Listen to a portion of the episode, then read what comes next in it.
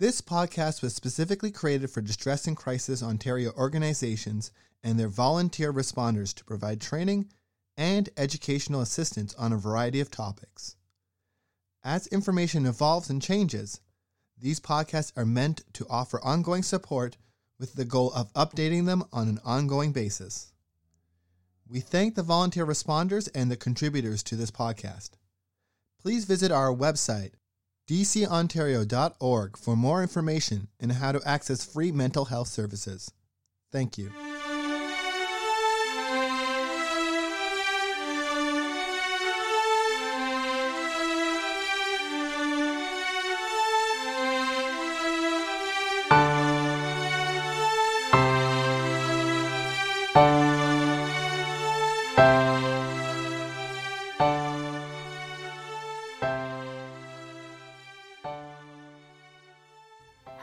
My name is Caitlin Plant, and I am the Program Manager at Distress and Crisis Ontario. Thank you for listening to our podcast. Today, we'll be talking about World Suicide Prevention Day, what it is, why it's important, and what DCO is doing to meet the theme of this year's campaign. As shared by the International Association for Suicide Prevention, or IASP, World Suicide Prevention Day, observed each year on September 10th, was established in 2003 in conjunction with the World Health Organization and is a significant advocacy and communication based event aimed at reaching national organizations, governments, and the public, giving a singular message that suicide can be prevented. In IASP's July 2003 newsletter, prior to the first World Suicide Prevention Day in September, the then IASP president, Professor DeLeo, announced to all IASP members this will be the day for all those people who have suffered because the worst of the human tragedies happened too close to them. This will be the day for governments to know that suicide must be a priority in their public health agenda. This will be the day for all people on the earth to recognize that suicide is an important problem. And if the World Health Organization has decided to endorse the celebration, it must mean that its dimension is huge and that no one is immune from it. IASP, in collaboration with intergovernment agencies, governments, non government organizations, international and national associations, clinicians, researchers, and volunteers use World Suicide Prevention Day as an instrument to promote awareness about suicide and its prevention. In a press release shared on September 10, 2003, Professor DeLeo went on to say World Suicide Prevention Day aims to put the issue on the agenda globally and regionally, but it also seeks to show that action must be taken locally, and this action starts with you and me. The day underlines the responsibility for all of us to help save lives that may be at stake. It is possible. We can do it. In 2004, the World Health Organization again agreed to co sponsor the day, and World Suicide Prevention Day became an annual event. According to the IASP website, an estimated 703,000 people die by suicide worldwide each year, and one in every 100 deaths in 2019 were the result of suicide. Suicide can affect every one of us. Each and every suicide is devastating and has a profound impact on those around them. However, by raising awareness, reducing the stigma around suicide, and encouraging well informed action, we can reduce instances of suicide around the world. This year, the theme of World Suicide Prevention Day is creating hope through action, providing a reminder that there is an alternative to suicide and aiming to inspire confidence and light in all of us, that our actions, no matter how big or small, may provide hope to those who are struggling. Preventing suicide is often possible, and we are all key players in its prevention. Through action, we can make a difference to someone in their darkest moments, as a member of society, as a child, as a parent, as a friend, as a colleague, or as a neighbor. We can all play a role in supporting those experiencing a suicidal crisis, those seeking to support someone who is suicidal, or those bereaved by suicide. Suicidal thoughts are complex. No single approach works for everyone. However, there are certain factors and life events that may make someone more vulnerable to suicide, and mental health conditions such as anxiety and depression can also be a contributing factor. People who are suicidal may feel trapped or like they are a burden to their friends, family, and those around them, and thus feel like they are alone and have no other options. The COVID 19 pandemic has contributed to these increased feelings of isolation and vulnerability. By creating hope through action, we can signal to people experiencing suicidal thoughts that there is hope and that we care and want to support them. How do we create hope through action? You can begin by reaching in. You can help give someone hope by showing that you care. All of us can play a role, no matter how small. We may never know what we do that makes a difference. We can all reach in and ask somebody. You do not need to tell them what to do or have solutions, but simply making the time and space to listen to someone about their experience of distress or suicidal thoughts can help. Small talk can save lives and create a sense of connection and hope in somebody who may be struggling. Encourage understanding. Stigma is a major barrier to help seeking. Changing the narrative around suicide through the promotion of hope can create a more compassionate society where those in need feel more comfortable in coming forward to seek help. We can all do something to live in a world where suicide is recognized, and we can all do something to help prevent it. Look out for those who are not coping.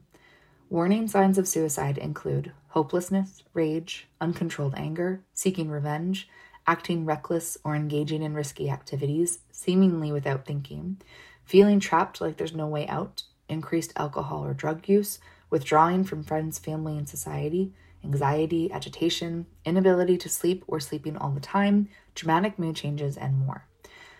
Remember that you don't need to have all the answers. People are often reluctant to intervene for many reasons, including a fear of not knowing what to say.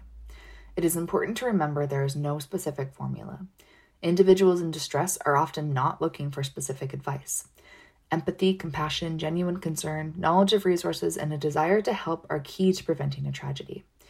Individuals who have survived a suicide attempt have much to teach us about how the words and actions of others can be important, and those who have come through an episode of severe suicidal thinking often say that they were not looking for specific advice, but that compassion and empathy from others helped to turn things around for them and point towards recovery.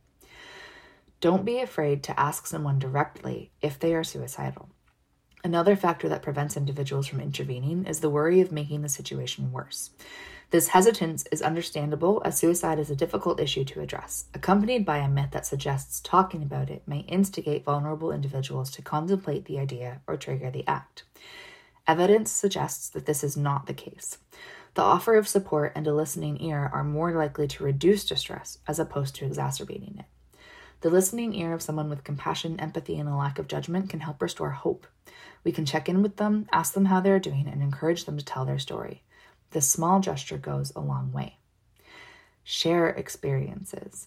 The insights and stories of people with a lived experience of suicide can be extremely powerful in helping others understand suicide better and encouraging people to reach out to support someone and for individuals to reach out for help themselves. It's important that the person sharing their story knows how to do so in a way that is safe for them and for those who hear their story. Personal stories of an individual's experiences of significant emotional distress, suicidal thoughts or attempt, and their experiences of recovery being bereaved by suicide can inspire hope in others that they too can move through that period of distress or crisis. And their insights can help others understand what it means to feel suicidal and how they can support others. Individuals sharing experiences of being bereaved through suicide and how they came to live their new normal can help others experiencing suicidal loss make sense of the devastation of suicide and believe they will be able to live through and with the loss. Take time. Time to notice what is going on with you, your family, your friends, and your colleagues, to reach out and start a conversation if you notice something is different, and to find out what help is available for both you and others. By stepping closer and reaching in, we can become aware of those around us who need help encourage those with suicidal thoughts to reach out, and support those in need by sitting in their pain with them. If you'd like to learn more about World Suicide Prevention Day, visit www.iasp.info forward slash WSPD. In following this year's theme of creating hope through action, Distress and Crisis Ontario has partnered with a local counselling agency, the Delton Glebe Counselling Centre, to create a toolkit on suicidal ideation and suicide prevention for youth, educators, and other first contact providers. This toolkit will be shared with our member centers, a local school board, and will be made available on our website for anyone who may benefit from it as of September 10th. Our hope is that the kit will provide introductory definitions, mental health information, and resources that will help reduce instances of suicide in youth. We will also be hosting a live stream event on September 10th from 7:45 p.m. to 8:45 p.m. Eastern Standard Time, where we will be lighting a candle to remember those who have suicided, share information, media, and stories related to suicidality and loss, and will be joined by DCO's own Valerie Brosseau, mental health advocate, speaker, writer, corporate trainer, and support specialist, for a live Q&A about suicide prevention. To RSVP, visit www.dcontario.org forward slash members forward slash events. Thank you for listening to this week's episode. As always, if you need support or if you just need someone to talk to you about what's going on in your life, please don't hesitate to connect with your nearest member center and or ONTX. You can find your nearest center by visiting www.dcontario.org forward slash locations, and ONTX is available from 2 p.m. to 2 a.m. Eastern Standard Time daily via online chat from any page of our website or by texting support to 258 258.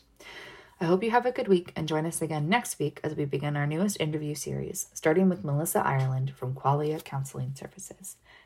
Take care.